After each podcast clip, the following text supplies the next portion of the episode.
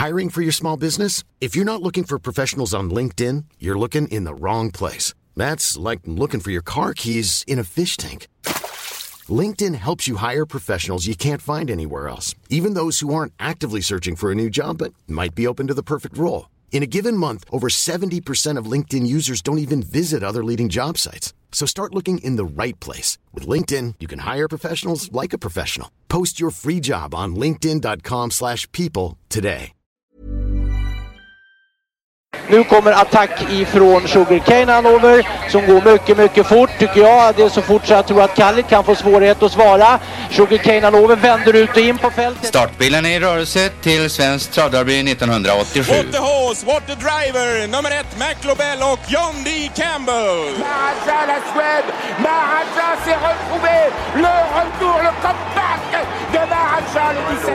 vid några tillfällen. Jag trodde att det var en av de bästa hästar jag hade tränat för. Det tolkades på vis.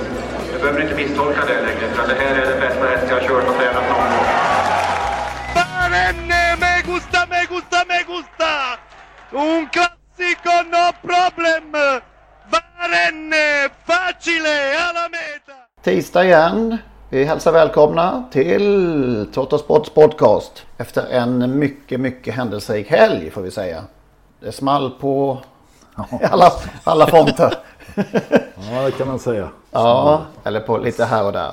Ja. Ska vi börja där direkt kanske? Paralympiatravet. Ett fantastiskt lopp på förhand var det ju. Mm. Ett fantastiskt lopp blev det. Och Erik Raffin som är en av de vassaste i sulken. Eh, ibland har han ifrågasatts när han kommer till Sverige kanske att han inte duger utanför franska banor. Men han körde ett perfekt lopp och elegant. Han körde nog ett av sina bästa lopp sa någon och det kanske stämmer. Och det var så elegant alltihopa och hon delade Pomerö avgjorde mycket enkelt och han satt som en tennsoldat i sulken den gode Raffin. Det är nästan en klyscha var det. Satt som en tennsoldat, ja.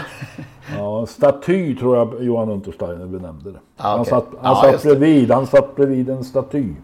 Eh, Vi att återkommer till eh, det kanske, statyaktiga och eh, vad det trots detta innebar. Men loppet som sagt, eh, vad ska vi... Ja men det vi- var ju, ja, det var ju en sluggerfest. alltså det var ju, det delas ju ut slag hela vägen. Framförallt i första ronden, runt första kurvan. Ja det var härligt alltså. Fast jag mådde ändå lite dåligt. Jag brukar ju göra det när det blir sådär. För, för, för när du säger slugg, sluggerfest så kanske Björn Goop slog knockout för evigt Ja, ja. Men han, han var ju ute efter ledningen och eh, det blev inte riktigt som han tänkt sig. Det som förvånade mig och många med mig det var ju att Who's Who var lika snabb ut och kunde svara. Sen var det också kanske fel taktik då. Sen var ju den här Gelati Cat, franska hästen, också vrålsnabb från start. Jag sitter, sitter och tänker på det. Jag har, jag har tänkt på det jättemånga gånger sedan, sedan det sändes, eller sedan man såg det. Men nu när jag hör er prata så... Och vi, vi, alltså Ecurydé där.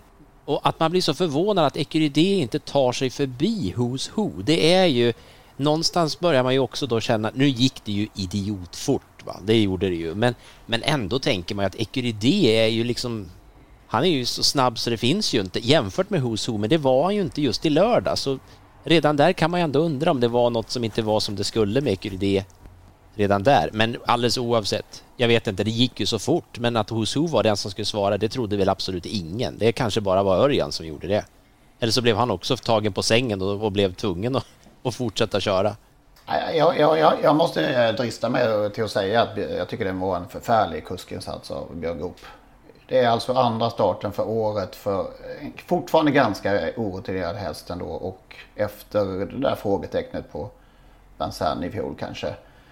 I svängen där i fjärde spår och, och tredje spår en, en, en längre bit är det alltså, det är ju 04 fart liksom. Och han bara stampar på gaspedalen och släpper den inte liksom. Jag vet inte. Eh, Ah, Är det- Man kan väl- Jag känna mådde att det dåligt. skulle Jag mådde ett dåligt. tidigt beslut, ett snabbare beslut. Jag fattar att det, det går fort, det är mycket man ska tänka, men Men Björn har ju kört så mycket lopp så att eh, han bör ju ganska snabbt inse att det går tokfort. Jag är, har den absolut sämsta positionen av alla.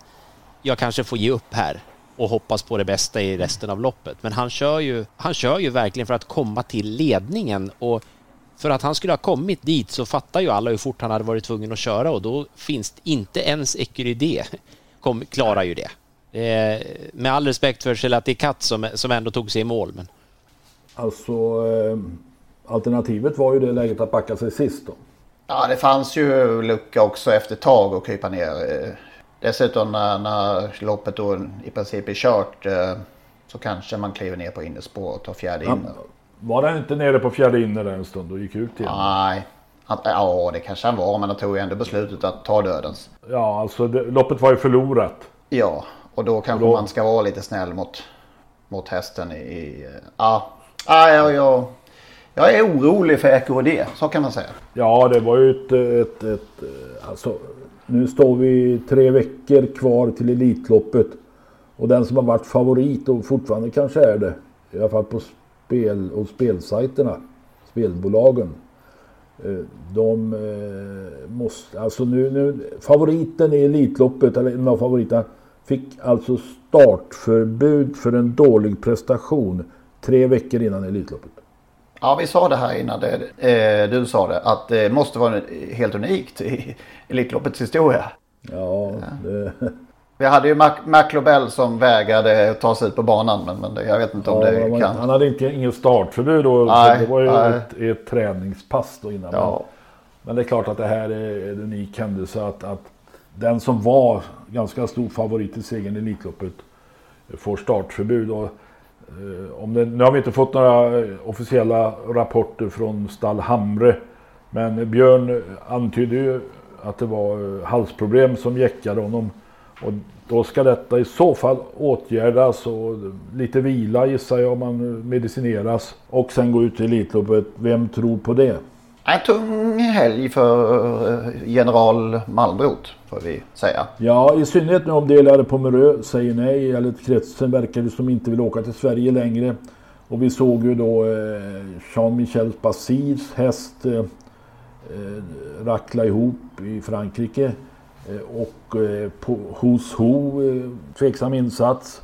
Million dollar Rime i Finland stannar i ledning, låg på hårt. Alltså de faller ju ifrån på ett eller annat sätt. Ja, det kunde varit um, mer gynnsamt. Eitos Kronos trea, lite blek om nosen från andra par utvändigt. Alltså den som är mest given just nu, av de hästar vi har på den där bruttolistan om man får kalla så. Det är Verry Kronos. Men det ska de ju hålla på att dra på för att travronden ska försöka göra någon dramatik. Alltså efter loppet i lördags så borde Berg Kronos vara fullständigt självskriven att bli inbjuden. Det är besynnerligt ibland. Ja, det kan man lugnt, lugnt säga. Jag vet att imorgon har ju, eller imorgon säger jag, det är ju faktiskt tisdag när, när, när det går att lyssna på oss och då, då betyder det idag då, då skulle ju, ska ju alltså Malmrot droppa några nya namn. Och eh, då får vi se om travronden hinner komma ut med, med, med sitt senaste avsnitt innan det då. Eh, så att man... Något nytt namn, något nytt. Ja. det är... Vilka kan det vara? Välja. Moni Viking kan ju vara en, eh, ett, ett, om det nu är flera, men Moni Viking borde vara given, det har jag sagt tidigare, säger jag igen. Björn Goop kanske är lite mer intresserad nu. Det, är ju, det borde han ju vara i alla fall. Va? Det är ingen tvekan om det. Va? Så det är klart att eh, två, två fullständigt givna för mig är Verry Kronos och Moni Viking. Ja, så får man se Rochelati Katt där och om, eh, för det verkar ju som de också började kunna tänkas kanske öppna en dörr till att istället för Harpers, Harper Hanovers vara med i Elitloppet. Det vore ju jättekul. Han ska ju inte vara med i Harpers, han ska ju vara med i Elitloppet det han visade i lördags. Mm, ja, verkligen, verkligen. Ehm, kul också med noterade eller blev påmind om att, eh, och det här kanske vi tar upp varje år, men det är ju ändå fascinerande att Ecuride står som ett svenskt ekipage medan Aetus Kronos står som ett amerikanskt i Elitloppet. Det är ju lite, lite roligt, men det är väl så det har bestämts så då får vi köpa det. Det har bestämts sen urminnes tider men Det borde väl kunna gå att ändra på någon gång. Ma- Malmrot har ju ändrat väsentliga saker i Elitloppet. Bland annat att man bara får köra en häst och så vidare. Danskfödd nor- norsk tränare blir, blir, är, är lika med svensk. Ja, och det här Eitos Kronos eh, det är ju ett aktiebolag registrerat i Sverige som äger. Möjligtvis finns det då en amerikansk ägare av detta eller i detta aktiebolag. Men eh, sen är det en italienare. Varför är han amerikansk för italiensk? Ah, men går det att krångla till det ska man naturligtvis göra det. Vad tycker vi om eh, de övriga då eh, storloppen som avgjordes? Drottningens och respektive kungakanon. Nu reser sig Magnus upp ur sin stol just där för att drottningens var ju klart redan när, när eh, vi pratade förra tisdagen då, eller ja, vi spelade in på måndag, men vem som skulle vinna drottningen och det, det hade du det måste jag buga mig. Ja det fick, de, eh, det fick de rakt i, vad brukar man säga? Rakt i... Rakt i halsen, men det låter så otrevligt tycker jag. jag Ja. Rätt in i örat. helt Rätten i örat blir det bra. Ja det blir det bra. Nej men det var ju kul. Jag gillar ju den här hästen så att jag, jag ska inte tjata mer om det utan det var, det var raffinerat att få se eh, som loppet blev kört. Det var, jag var inte riktigt eh, inne på att det skulle bli som det blev. Det blev ju väldigt enkelt även om det var lite strid på slutet men jag, jag trodde ju inte att hon skulle vinna från spets, det måste jag ju säga.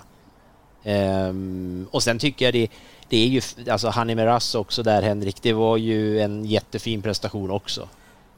Om man hade lyssnat på er två där så var det ju ganska enkelt att vinna pengar i det loppet eh, med en tvilling. Alltså vi, vi diskuterade lite senare på veckan där att eh, vi, vi, vi, vi munhöggs lite om vem som skulle vinna. Men eh, som sagt, tvillingen 1 2 var ju...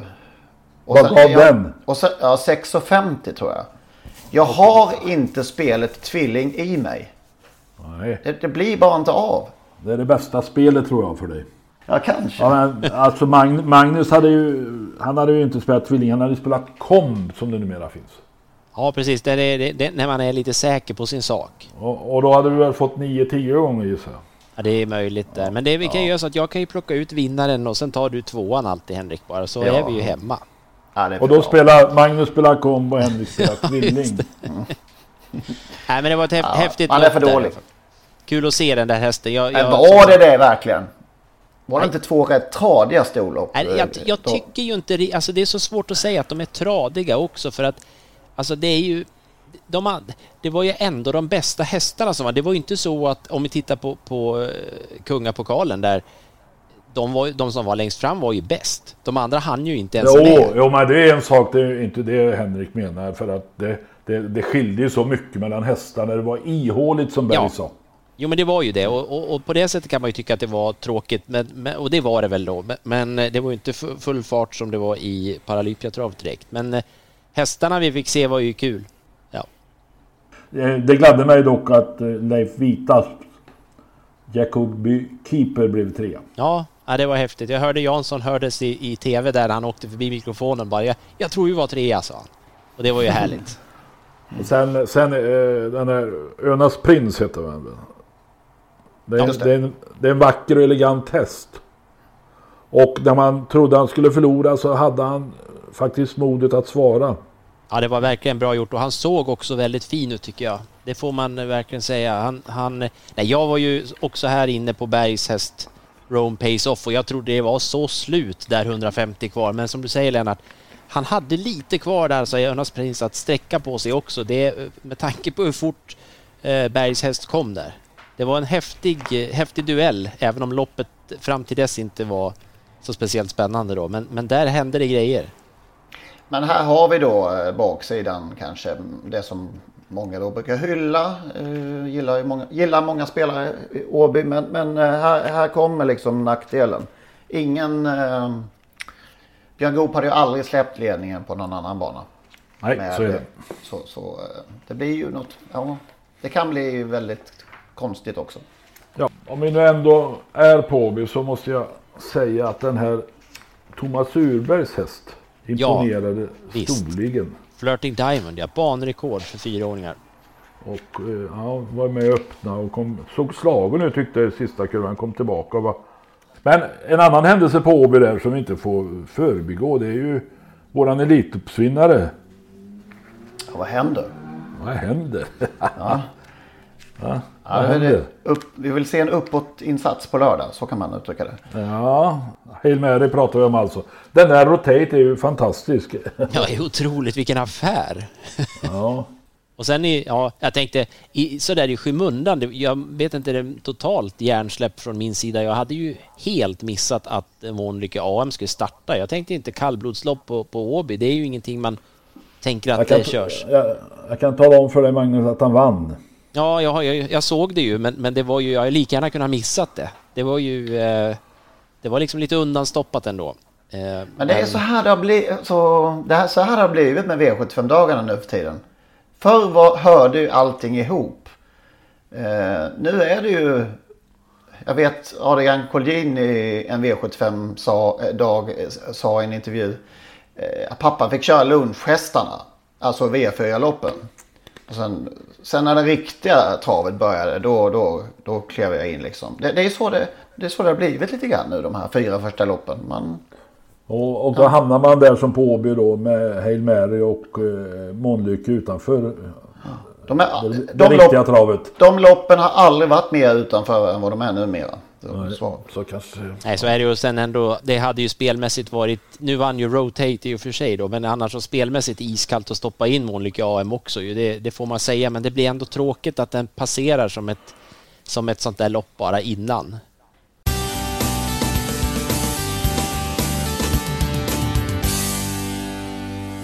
Hörrni ni, vi ska säga det att vi den här veckan är eh, sponsrade av vinfolket.se. Det är vi glada för. Och Ja, vi mycket, kommer, ja väldigt kul det här. Ehm, kommer rekommendera ett vin varje vecka. Som vi ehm, pratar om lite grann och eh, som vi, man kan klicka in sen på, på eh, sajten. Där finns en annons på trottosport.nu alltså. Där man klick, klickar vidare till vilket vin det handlar om. Det är, jag är ju mycket för italienska. Jaså? Ja, det har ju varit så genom åren. Men eh, smakade det här Coturon-vinet för några månader sedan. Och eh, blev helt golvad faktiskt. Oj. Ja. Drack du för mycket? Golvad av eh, Smaken? smaken och eh, mustigheten i detta vin. Eh, vingården heter Lucien Tramier och ligger då alltså i Råndalen i de sydvästra delarna av Frankrike.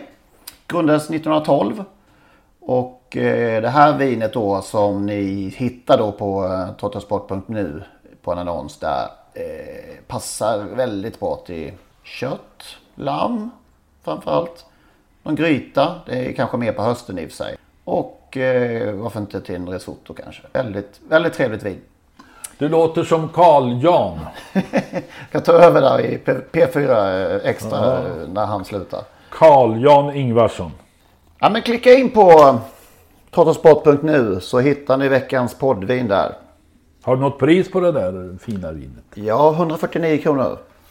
Väldigt pris, prisvärt faktiskt. Så pass bra är det.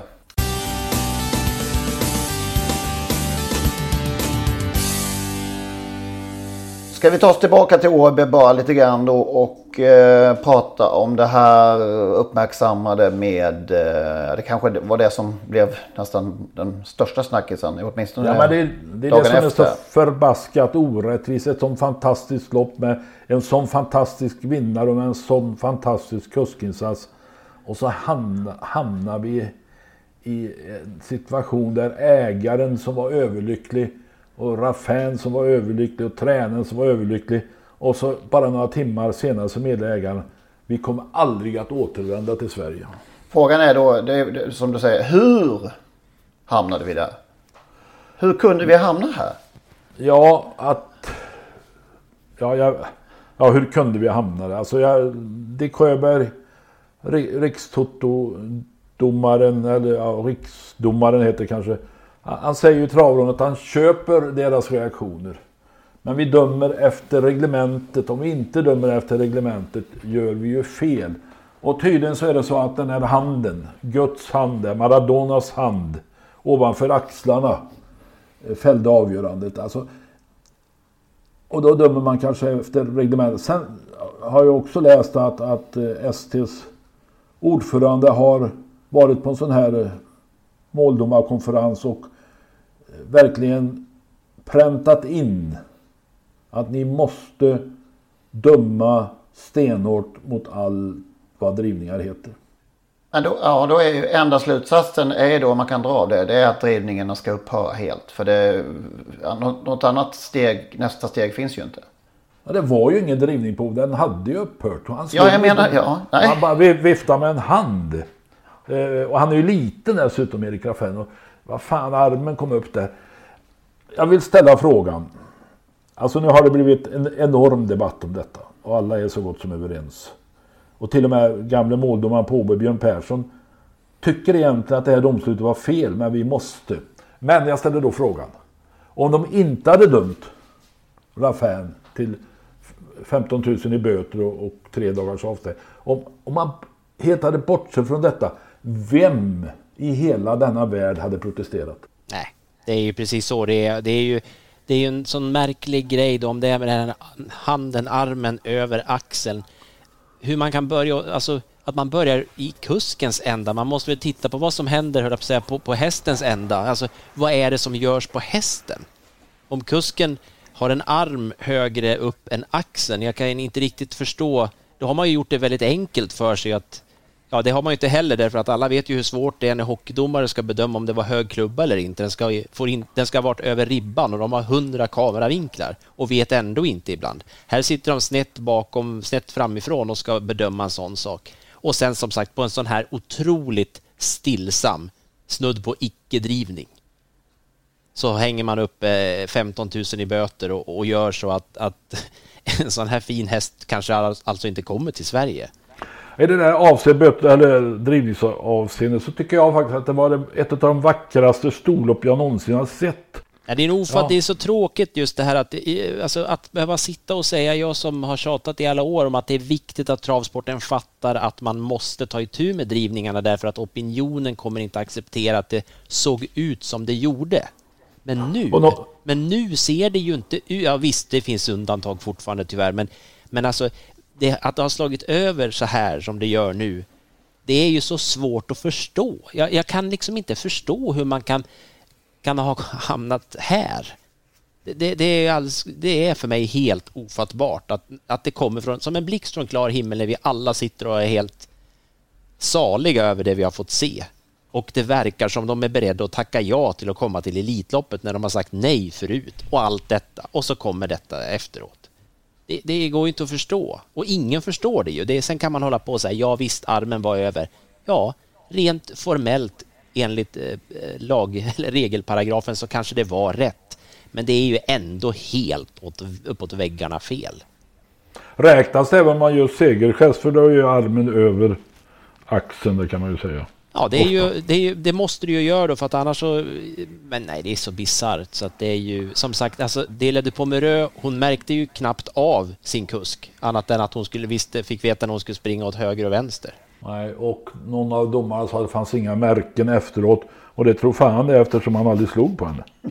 Nej, det om det kom någon regndroppe på henne då möjligen. Nej, det, är tråkigt. det, var, det var jättetråkigt och man kunde ju höra Anders Malmrots eh, mycket återhållsamma men ändå bestämda besvikelse där när han igår i tv satt och pratade om det här. Hur, hur domarna hade agerat och hur, vilken situation man har satt det här hela Elitloppsäventyret i då. Alltså nu har 15 000 för Erik Raffin eller för ägaren eller för tränaren har ju egentligen Eh, ingen betydelse. Det är, det är symbol, symboliskt det här alltså. För, va, hur ska jag kunna åka till Sverige och vinna ett travlopp när jag inte ens får eh, peta på hästen, inte ens får lyfta armen över axeln för att möjligtvis visa spöt. Det är klart att de inte vill åka hit. Nej, och speciellt alltså när, när man, det finns ju den här historien bakom med så många franska gäster som ju har då sagt att vi åker aldrig mer tillbaka därför att de har fått straff som då ändå har känts berättigade. Då har det ju handlat mer om att de inte har förstått regler eller att de körde som de ville i alla fall. Men här och nu med det, med det här domslutet så då, då har de ju fått så mycket vatten på kvarnarna så att då kan man ju begripa om de inte vill komma. Vatten på Moulin Rouge. Ja, precis. Nej, och så jämför, jämför med det vi fick se sen på på söndagen ifrån Frankrike där när, när David Dupont blev en vinnare igen då, men, men under Alltså hugg och slag är ju nästan en underdrift. Det var ju bedrövligt att behöva se. Men du säger, hur har vi hamnat här? Har vi hamnat här därför att det här är ett sätt för STs ordförande och UETs ordförande verkligen markera att i Sverige är vi stenhårda mot drivning.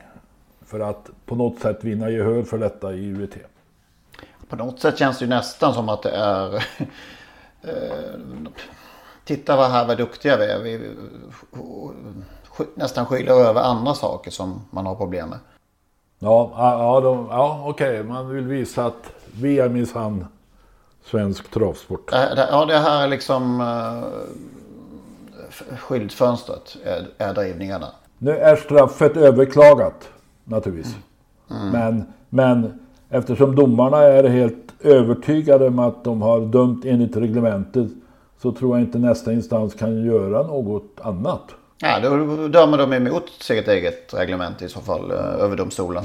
För det, är ja, väl om de, de som... inte, det kan ju vara då, men det kan, kan de ju heller inte göra. Men det ska vara att de gör en annan bedömning av handens höjd eller armens höjd i förhållande till axeln. Då. Att man anser att det går inte att avgöra att det är så och därför så drar vi tillbaka boten.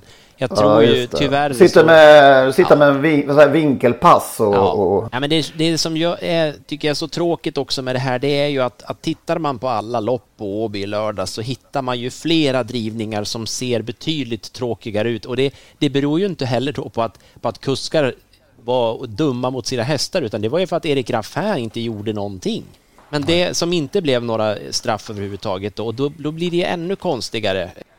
Alltså är det bra att få in de där 15 000 kronorna med tanke på de höga arvoden som STs styrelseledamöter har. Du kom dit där. Ja, vi har upptäckt ju att Svensk Travsport är bäst på någonting. Ja, de är, de är i alla fall välavlönade de som sitter i styrelsen. Vi kan notera att ordföranden har 780 000 kronor i arvode. Per. Totalt då, om man, om man slår ihop eh, hennes eh, uppdrag i Svensk Travsport och ATG. Och eh. om jag har räknat rätt så är 780 000 det är 65 000 kronor i månaden. Det är 10-15 000 mer än en intensivvårdssköterska som räddar liv varje dygn och som jobbar fem dagar i veckan och helger och nätter. Mm. Man blir ju lite brydd. Och totalt har SD styrelse över 2 miljoner om jag har förstått det rätt. 2,2 miljoner uh, hämtar de styrelseledamöter som ingår i styrelsen då uh, ut totalt. Det här folkrörelsesporten trav finns inte längre. Alltså jag ska inte säga att jag att folk ska jobba ideellt. Men det är ju väldigt många som jobbar ideellt på svenska travbanor. Eh, och därför tycker jag kanske att man borde vara lite återhållsam även i högsta organen mot dessa vidlyftiga, får jag säga så? Vidlyftiga arvoden. Ja, det tycker jag var en ganska bra bedömning. Andra idrott, alltså... Ja, vi tittar lite på, på, på um, andra förbund, idrottsförbund. Fotbollsförbundet är ju det största. Eh, det måste vi säga. Och Karl-Erik Nilsson har jäkligt bra betalt som ordförande där. Jag har inte hans siffra men... men eh, För några år sedan hade han som Mariana har nu. Eh, totalt tog styrelsen i Svenska fotbollsförbundet 2019, både 2018 och 2019 ut en och en halv miljon. Styrelsen? Styrelsen. Och då har Karl-Erik Nilsson hälften det. Och jag tror ju att han är arbetande styrelseordförande. Det är hans heltidsjobb. Friidrottsförbundet är det näst största förbundet. Där hade generalsekreterare och styrelsen, det här är från, det var den senaste jag kunde hitta 2015, en total summa utbetald på en miljon. Inklusive generalsekreterarens lön då. Golfförbundet är trea. Eh, de hinner upp i två miljoner. Eh, det var 2019. Inklusive generalsekreterarens ersättning. Ja, då kan man säga gissningsvis mellan tummen och pekfingret att hälften av det där är generalsekreterarens eh, lön medan mm. då styr, styrelsen delar på runt någon miljon. Just det. Och det här är alltså de största. Om, tittar man lite längre ner på listan sen så blir ju arvodena betydligt lägre på de lite mindre det finns förbunden. Ju, finns ju stora, ganska stora förbund där ordföranden har noll kronor i ersättning eh, medan, ja, förutom för utlägg och resor och sådär va. Och eh, dag peng då när man har möten och så. Ja, det var i alla fall intressant att ta del av. Och nu, nu, nu bidrar Erik Raffin med 15 000 kronor till denna till styrelsens arvode. Ja. Han gjorde även Per Nordström. Ja, som, vi tog det. sitt straff. Eh, han tyckte att han hade gjort fel. Ja.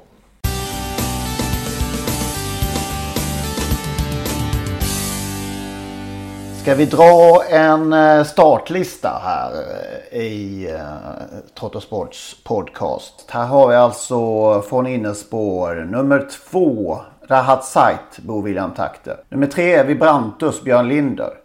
Fyra Tangens Veijo Heiskanen. Fem Santa Pride Olle Elfstrand. Sex Pershing Boy Raymond Ström. Sju Riksten Star Glenn Norman. Åtta Caesar Spin Tommy Magnusson. Nio Mac the Knife Stig Johansson. Tio Big Spander Bert Johansson. Elva Vettig Sund Björn Larsson. Och 12 Hansi V Carl-Gösta Fylking. Vad är det för löpning det här då? Men kan du inte nämna nummer ett ändå? Jo, han, han, han ropas ju inte upp på banan när de var bakom startbilen. Men det var nummer ett. Ett hade Kallit. Kalle som fick en hovspricka under veckan. Ja, det var ju för sorgligt. Svenskt travderby 1985. Vi lyssnar här. Det kom mycket folk till Jägersro idag, i runda tal 15 000 personer, för att se det vassaste derbyt på många, många år. Med stjärnor som Tangens på startlinjen, körd av Veijo Heiskanen idag. Mac the Knife, Stig H Johansson, förra årets kriterievinnare. Och Big Spender, Bert Johansson, med nio raka segrar bakom sig inför dagens lopp.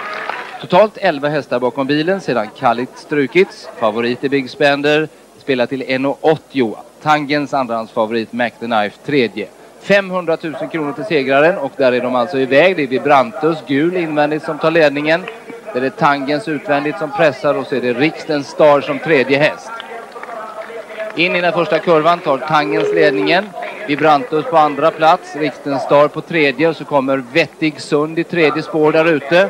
Som tredje häst invändigt är det nummer två Rahat Sight och där är sedan också nummer sex Pershing Boy. Sedan följer eh, Mac the Knife och Big Spender där bak. Det blir Pershing Boy. Där från tredje ytter ger han sig av. Får förstås eh, sällskap av Mac the Knife och då följer också Big Spender. Det är Tangen som leder. Det är Vettig Sund där ute och så i tredje spår Pershing Boy. Vibrantus i rygg, Riksten Star andra par ytter. Så följer sedan eh, Mac the Knife och i rygg på Mac the Knife Big Spender. Tangens då rycker undan, Wettingsund kan inte vara med. Pershing Boy upp på andra plats. Mac the Knife där ute och så allra, allra längst ut i gult Big Spender. In på upploppet är det Tangen som leder med Pershing Boy utvändigt och så kommer Mac the Knife allra längst ut kommer Big Spender. Och då blir det så spännande så att åskådarna skymmer oss ett tag. Det är Mac the Knife och det är Big Spender som kommer att göra upp om det här. Mac the Knife invändigt, Big Spender där ute sida vid sida mot mål. Mac the Knife eller Big Spender? Ja, kunde ni avgöra det? Det kunde man inte göra sådär utan vidare. Utan eh, fick plocka fram ett målfoto för att skilja dem bägge åt. Mac the Knife eller Big Spender. Och det är Big Spender som vinner nummer 10 och Bert Johansson. Det meddelas det då också officiellt över Jägersro. Här får Bert Johansson beskedet att han precis har vunnit Svensk travderby bakom Big Spender. Tiden 1.16,7. Mac the Knife tvåa samma tid och trea Tangens 1.17,0. Pershing Boy 4, Rahat Sight 5 och Cesar Spin 6. 500 000 kronor alltså, Lagerkrans och tidlös ära till årets derbyvinnare. Big Spender, Bert Johansson. Thomas Simpson, jag tror inte vi har haft med honom i något klipp eh, tidigare faktiskt. Det var härligt att höra. Ja, jag, alltså när man hör Thomas Simpson så som här så är alltså han är ju det- kanske den bäste. Ja. Genom faktiskt. alla tider. Fantastiskt eh, timing och fantastisk röst. Ja, och lugn och sansad. Jag skrattar lite här för det som, det som inte är med i, i det här, du har ju klippt bort ett varv eller någonting här, men, men han, eh, han säger ju så här, nu är frågan, vem går först? Mac the Knife eller Big Spender? Det blir Pershing. Boy. Ja, lyckas jag klippa bort det? Ja, det var illa av mig, det borde jag ha haft med. Nej, men det är så. Det, det är väl ett efterhandsreferat det här. Han Ja, har det är det. väldigt tidigt efter den här dramatiska målgången, men, men det spelar Mm. ingen roll. Jag håller helt med. Thomas Simson är man ju uppväxt med på ett sätt. Det var ju han och Bosse Blomqvist. Det var ju de två som pratade trav i TV. För mig. Och skälet, skälet till detta är att det är Bert Johanssons minneslopp på lördag i Umeå. Det är ju det. Vad ska, kan vi inte säga något mer om det här, det här där? Jag tror inte vi har gått ner oss riktigt eh, i det tidigare. Ja, det benämndes ju som dunderderbyt. Gjorde ju det. Eh, redan på förhand. Det var väl Hans G. Lindskog som myntade. eh, Ja, men då fanns ju även Kallit med i den beräkningen. Just det. Och så då Tangens. Det var väl den stora kvartetten så att säga. Men även eh, Vettigsund och Hans Iver, visserligen från dåliga lägen då, var ju väldigt bra hästar. Så eh, hög, hög klass på, eh, på det här loppet. Så blev det en av de mäktigaste, vackraste dueller i svenskt travderby. Och det var alltså eh, de två som satt näst sist och sist eh, varvet från mål va? Ja, vi har Ja, så fjärde och femte spår i sista sväng där. Bert man kom kunde- längst ut med Big Spender. Det var... Man kunde ju likna det här derbyt med det som eh, kördes 1968, duellen mellan Björn och Birger Bengtsson mot eh, Ricky Tikitavi och Gunnar Nordin och, och det här enorma öronbedövande jublet när Björn eh, vann. Hemmafavoriten och Birger Bengtsson är ju den största favoriten genom tiderna på Jägersro ihop med Bo William Takter då naturligtvis. Och just den här mm, folk, den här mattan av folk på Jägersro, den här, den här lite mulna eh, septembersöndagen eh, där i 1985. Det är ju, ja man blir, man blir nostalgisk. Det är Big lätt att bli Spender- nostalgisk. Big Spender gillade Jägersro. Tre gånger på plats, tre vinster. Nej, fyra. Ja, derbykvalet såklart. Ja. Ja. Derby två Hugo Åbergs Memorial. Denne vackre son till Tibu som hos Bert Johansson utvecklades till en, ja, ska vi säga en världsstjärna. Han åtminstone topp fem favorit i historien för min del. Vann ju några storlopp i Italien. Eh, och eh, han provade faktiskt lyckan i USA. Det, det tror jag inte så många vet. Höstkanten 87, då var han på Pompano Park inbjuden dit. Var fyra i två lopp där. Van Lennep Memorial, The Express Ride och en viss Bernt Lindstedt vann. Och Van Lennep Championship.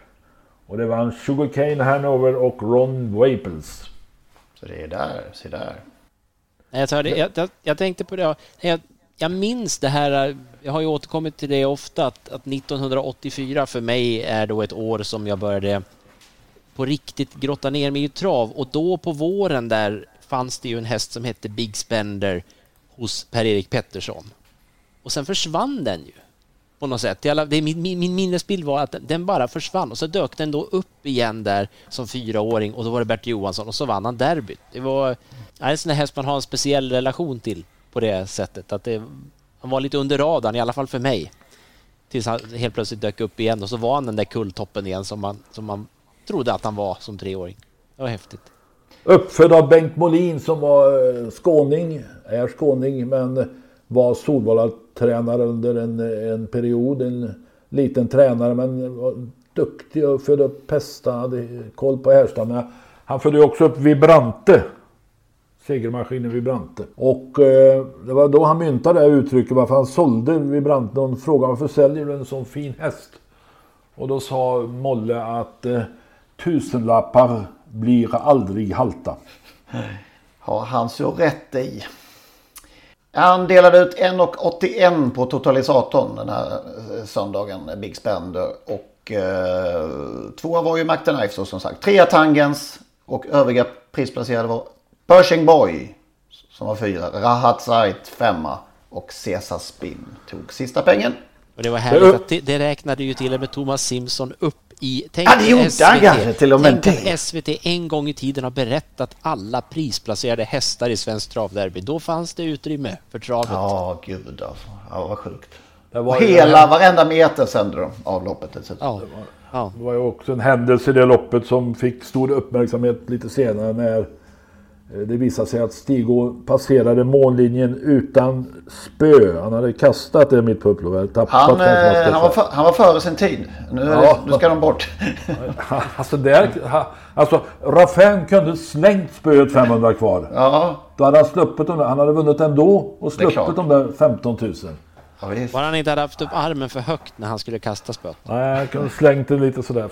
Och det där, det där, alltså jag tror ju det där eh, har stört Stig genom åren. Han har inte liksom velat kännas vid den fadäsen och han har sagt vid något tillfälle när jag pratade med honom att det hade ingen avgörande betydelse. Nej. Och då, han skulle ju kunna vara domare med andra ord i, i svensk travsport. För det ska man ju vara expert på att bedöma.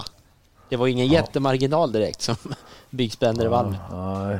Och, eh, och utan att vara för allt för, vad ska man säga, ehm, eh, peka ut någon riktning här så har det ju hänt att Stig har ehm, eh, hasat in och vinna via drivning. Ja, alltså, har det. Ja. ja. Men på lördag är det alltså Bert Johanssons eh, minneslopp Memorial. Vad heter det? Memorial ja. Mm. Memorial. Hittar inte allt minne nu för tiden? Ja, det kanske det Bert Johanssons minne. Det Nej, det allt... heter faktiskt Memorial. Ja, det hedrar, hedrar eh, Umeåker tycker jag. Bert Johanssons Memorial. Mm. Och eh, det är ju ett, alltså, det är ett så fint lopp så det, det på något sätt eh, visar Bert Johanssons storhet också. Ja. Han, är, han är värd detta fina lopp. Ja. Don, Don Fanucci Zet, kan det vara en Elitloppshäst? Han är väl inbjuden? Ja, han kanske är inbjuden redan. Han är inbjuden. För, för vilket land? Eh, ja, det, det kan vara precis vad som helst. Det borde ju vara Italien då. Ja, nej, men, nej, nej, men ägaren bor ju inte i Sverige. Nej, just det. Det har du rätt i. Eh, Eh. Men det, det officiella är svensk. Ja. Ja. Och sen har vi ju då Hail Mary som måste visa bättre takten. Kommer vara betydligt lättare den här gången. Lättare i balansen. Och så din häst då Magnus. Ja. Dessutom Jag ska- Brother Bill dessutom körd, körd av en annan Magnus. Ja, men det kan nästan inte bli bättre. Nej, det blir kul att se Brother Bill där också, men framförallt ska det ju bli kul att se det vi väl ändå förmodar är en duell mellan Don Fanucci Zet och, och Hail Mary. Och då blev det ju lite extra spännande där när Hail Mary fick stryk då, men han slipper ju rotate den här veckan. Det var ju tur det. Ja, det det är ju eh, såklart veckans mest spännande duell. Eller löpning. Ja, det, får, det är utan tvekan så. Sen Hail Mary från bakspår, bara en sån sak. Vad fick den? Den fick alltså nio. Där. Nio. Just det. Upp till bevis, helt enkelt. Ja, jag har det. Jag spelade en hundralapp där någon tidigt. Den är lite i fara. Ja, den är, den är uppgiven och förlorad. Ja, lite så känns det. Men nu är, nu är det ändå kanske chans då eftersom eh, Robert Bergs andra Elitloppskandidat, den eh, Vikens High vann ju inte i lördags på Åby heller, så att nu kanske Berg får hoppa tillbaka till Hail Mary igen. Så kasta, liksom lämna tillbaka kvittot, Lennart. Det lever. Ja, ja, ja. Alltså Big Spender var ju en häst som, som Bert fick i träning då som du nämnde här Magnus från Bullen. Eh, de flesta hästar raggade han ju upp själv, köpte in LJO och sådana här va. Eh, Letade fram, han var ju en satan på att leta fram hästar och sen ringde han ju och, och liksom tjatade till sig hästarna och prutade. Han hade ju bilhandlar Ja. drivet i sig helt enkelt. Ja. Han, var, han kom ju därifrån. Han, han ringde och han ringde. Han, var fantastisk. Och han och Bo William, han kommer ju också från, eh, från Ja. den sidan. Vilket var hans bästa då? Absolut bästa hästköp, vet du det? Ja, ja, jag gissar på LJO. Mm. Men eh, inte säker på det. Men LJO var i alla fall en liten favorit. Liten svensk mästare bland annat. Ska vi ta ett gäng floskler innan vi eh, går över på V75? eh? Ja, du började där tycker jag. Det, det var bra. Det var bra där. Att du kom direkt med en floskler. Ett gäng. Är det en floskel? Ja, det är så jävla vidrigt så jag... Ja, ett, alltså där står ett gäng ungdomar och där står ett gäng fotbollsmän med ett gäng floskler. Ett gäng. Ja, jag får ta på mig den helt enkelt. Jag, jag, Några floskler tack. Mhm.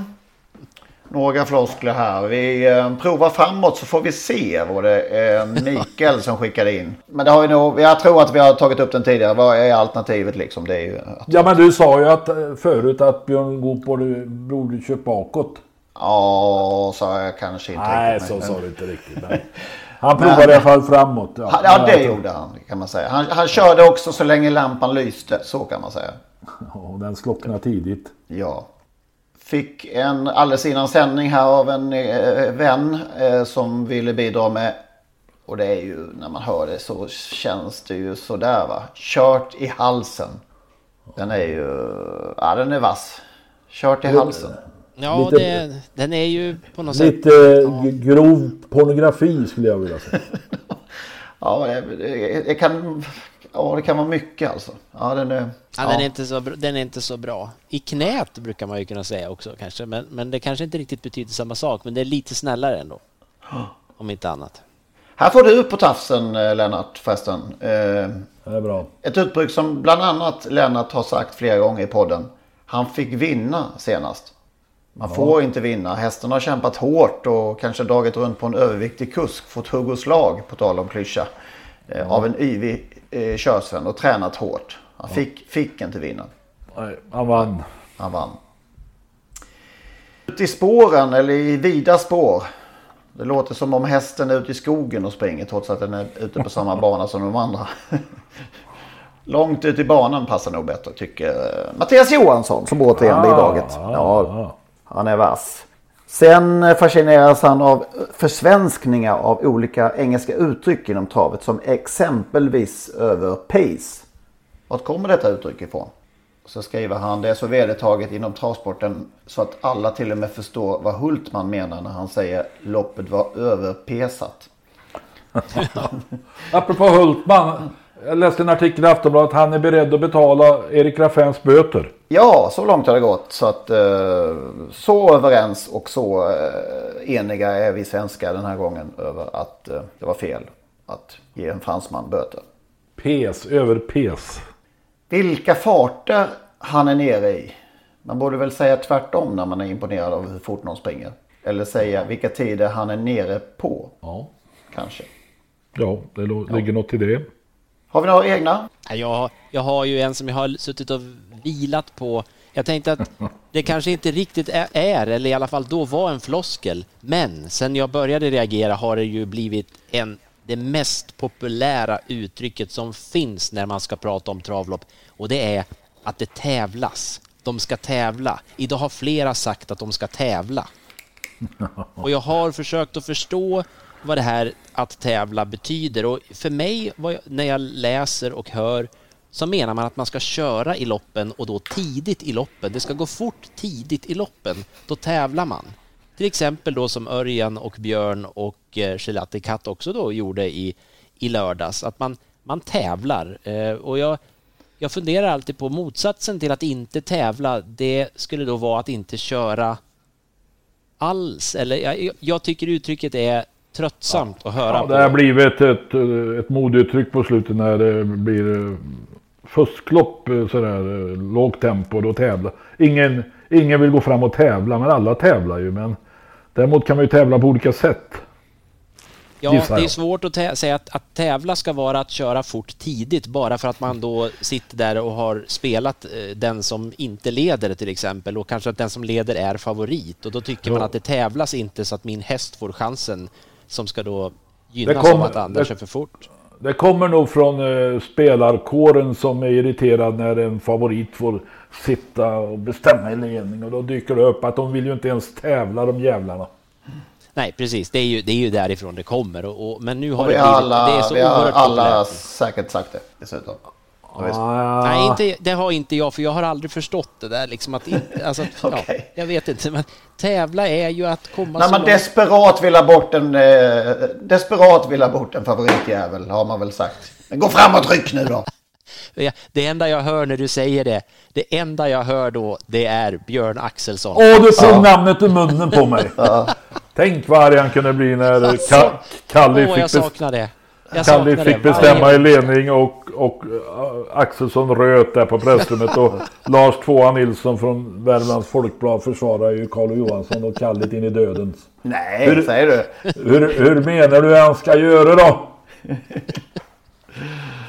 Nej, för so det är för sorgligt. Så det, är, det är Axel Ja. också. Det är för sorgligt att se alltså. Ja. Ingen kunde säga Nej, det med sån, nej. sån inlevelse och så, så mycket gråt i rösten. Nej, vad man saknar de där onsdagskvällarna. Det måste man Ja. säga. Ja. På tal om att tävla, eller på tal om dom, domslut, så läser jag i, i, på Namn och Nytt-sidan i Dagens Nyheter eh, häromdagen, som jag inte har någon minne av. Jag var ändå 13 år när detta inträffade.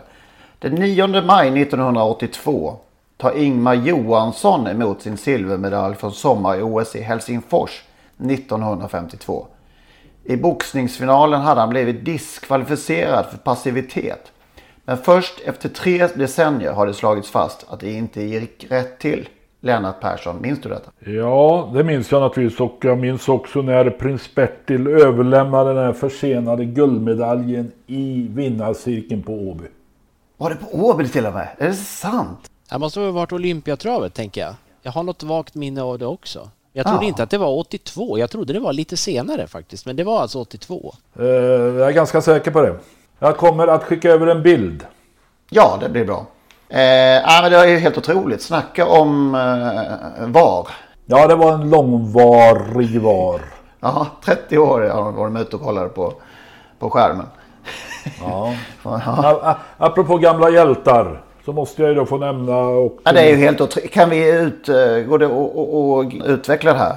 Hur, hur kunde det komma upp till ytan och hur, 30 år senare ens? Ja, det kan man ju undra. Vi får läsa på till eh, nästa avsnitt. Ja, eh, men just det här med gamla hjältar. Bebben Johansson gick ur tiden. Det var en hjälte. Alltså, var en fantastisk man. Han, nu har det ju varit corona. Men innan det gick han ju på Ullevi, var han på Ullevi varje hemmamatch trots att han då var gravt eh, synskadad, blind. Så han satt på Ullevi och hade hörlurar och lyssnade på, på Radiosportens sändning då va. Och upplevde han atmosfären på Ullevis hedersläktare. Du, du måste ha sett honom på, på live. Ja, ja, oh ja, och jag träffar många, många, äh, många, många gånger, men många gånger en fantastisk man. En fantastisk man. Nu måste jag ta tiden i anspråk någon minut till. Som gick bort förra veckan. Göran Axelsson. Ja, Årjängstravet. Ytterst skicklig eh, administratör och travsportman. Kunde det mesta. Eh, hade ju kört en del lopp själv faktiskt. Han, alltså det är kanske inte så många vet, men Göran Axelsson har kört upp på Vincennes. Men jag tror en häst som heter Spurt, det var något EM för amatörer. Spurt, undrar om inte Holger Andersson tränar den. Holger, var han nu? Ja. Andersson. Ja, alltså jag vet inte om det var Göran Axelsson eller hans företrädare Persson som... Så när man ringde till Årjängstravet. Som du ringer nu till Solvalla så hamnar du kanske i en växel. Men när man ringde till Årjängstravet och sekreteraren svarade så svarade de alltid Travet. Ja, det var Göran Axelsson enligt eh, Mikael Solberg läste jag i häromdagen. Ja, okej. ja, Travet. Ja, och varför krångla Mycket till det? man. Hjälpte alltid till med allting. Att hade man inget rum och skulle åka dit på Årjängsstoria så sa Göran att det ordnar jag det. Ja, tråkigt. Lite för tidigt i... Nu hamnar vi i en dödszon. Ja, det blev lite så här nu, men det så, så är livet. V75, Umeåker. Det brukar vara lite ojämnt eh, i, norr, i norr. Hur ser det ut den här gången? Ja, det kan det vara kanske. Lennart som har läst på bättre än jag. Nej, men det är ju fina lopp. Dels där Bert Johansson Memorial. Och sen har vi ju då eh, gulddivisionen Guldbjörken med, med kanske någon, någon Elitloppskandidat. Missile Hill skulle ju kunna komma i fråga från spår 1 där. Eh, har väl en ganska vettig uppgift men det är 2140 meter kanske inte hans bästa Just gren. nu 77 procent. Ja, ja just det. Oj då. Eh, men jag tittar på några andra lopp också. Jag, alltså jag fastnar för, för ett par hästar och eh, en är i... Och där kommer inte bli jättemycket sträcka. V75 5. En häst som jag gillar. Och eh, Balotelli, vad säger du om det Ingvarsson? Balotelli Crown. Hans eh, nuvarande klubb eh, Monza missade idag att eh, ta direktplatsen upp till Serie A. De var i strid med Salernitana. Okej, då hoppas jag att Balotelli Crown tar revansch för Balotellis skull där på lördag med Hanna Forslin. Och sen i sjunde avdelningen. ja, Jag blev imponerad sist av Svagger. Sandra, Sandra Eriksson rusade till ledning och vann på 11 och igen. Hur lätt som helst. Nu har den Jaguar Hill på insidan. Alltså det blir en tjejduell det här då. Jaguar Hill, det är Emilia Leos fina häst. Nej, det där vinner Svagger. Kommer, eh, kommer den förbi eh, alltså, från början, tror du? Ja, jag tror det. Det är framförallt en bättre häst. Se om de tävlar från början. det är ett gäng hästar som tävlar. Vad, eh, har du hittat något Magnus eller är det för, för långt norrut för din smak? Ja, det ska jag ju, det ska jag ju verkligen inte säga. Det är väl närmare än till Malmö, det är det väl inte. Eh, men, men ehm, nej, inte, inte direkt så där faktiskt. Jag, jag, eh, jag är lite eh, jag säga, bakis efter, efter lördagen vad gäller... Jag hade, det var en sån här omgång där jag var riktigt, kände jag rätt på det och, och då brukar det kunna komma så här veckan därpå sen är det oerhört svårt att få in den här lusten att ge sig på en ny omgång. Jag, jag måste nog deppa lite mer ja. först. Men jag kan... Min gode vän Bernt Sadin som har spelat hela sitt liv och som är en duktig spelare. Han säger alltid man ska aldrig, bara för att man får in en lördag ska man inte drabbas av övermod och tro att det är så enkelt. Då ska man ta det lugnt några veckor säger de. Ja just det och tvärtom då när man inte, eh, som ju jag, det började ju bra för mig men det blev ju fel ändå i lördags där. Det, gjorde, det, var, sån, det var stolpe ut i ett par lopp där, det var det som gjorde att allt blev pannkaka. Men eh, jag tänker så här att, att jag, eh, vi har ju en specialvecka den här veckan med, med lite lediga dagar och så där så att jag ska skärpa mig grotta ner mig lite i listorna och sen gör jag en sån här liten V75 specialare som vi lägger ut på Trottosport. Den har varit eh, upps uppskattad när, när, när den har dykt upp. Ja, då kan man, alltså det blir en bra fredagkväll, lördag fredagkväll, då kan man smutta på vinet från vinfolket och läsa eh, Stålbergs V75-tips. Ja, precis. Ja, precis. Man kan lyssna på mig till och med, för jag brukar ju prata in det, så då behöver man, kan man blunda och bara njuta ja, det, fullt ut med alla sinnen. Ja. Med tanke på Henriks eh, uppskrutna viner så kanske man faktiskt vill blunda lite och njuta. Mm. Jag tror det faktiskt. Då tackar vi väl för idag va? Eller ja, något, något mer på hjärtat? Det är bra så. Tack, Tack för, för idag. Hej hej hej. Hej då.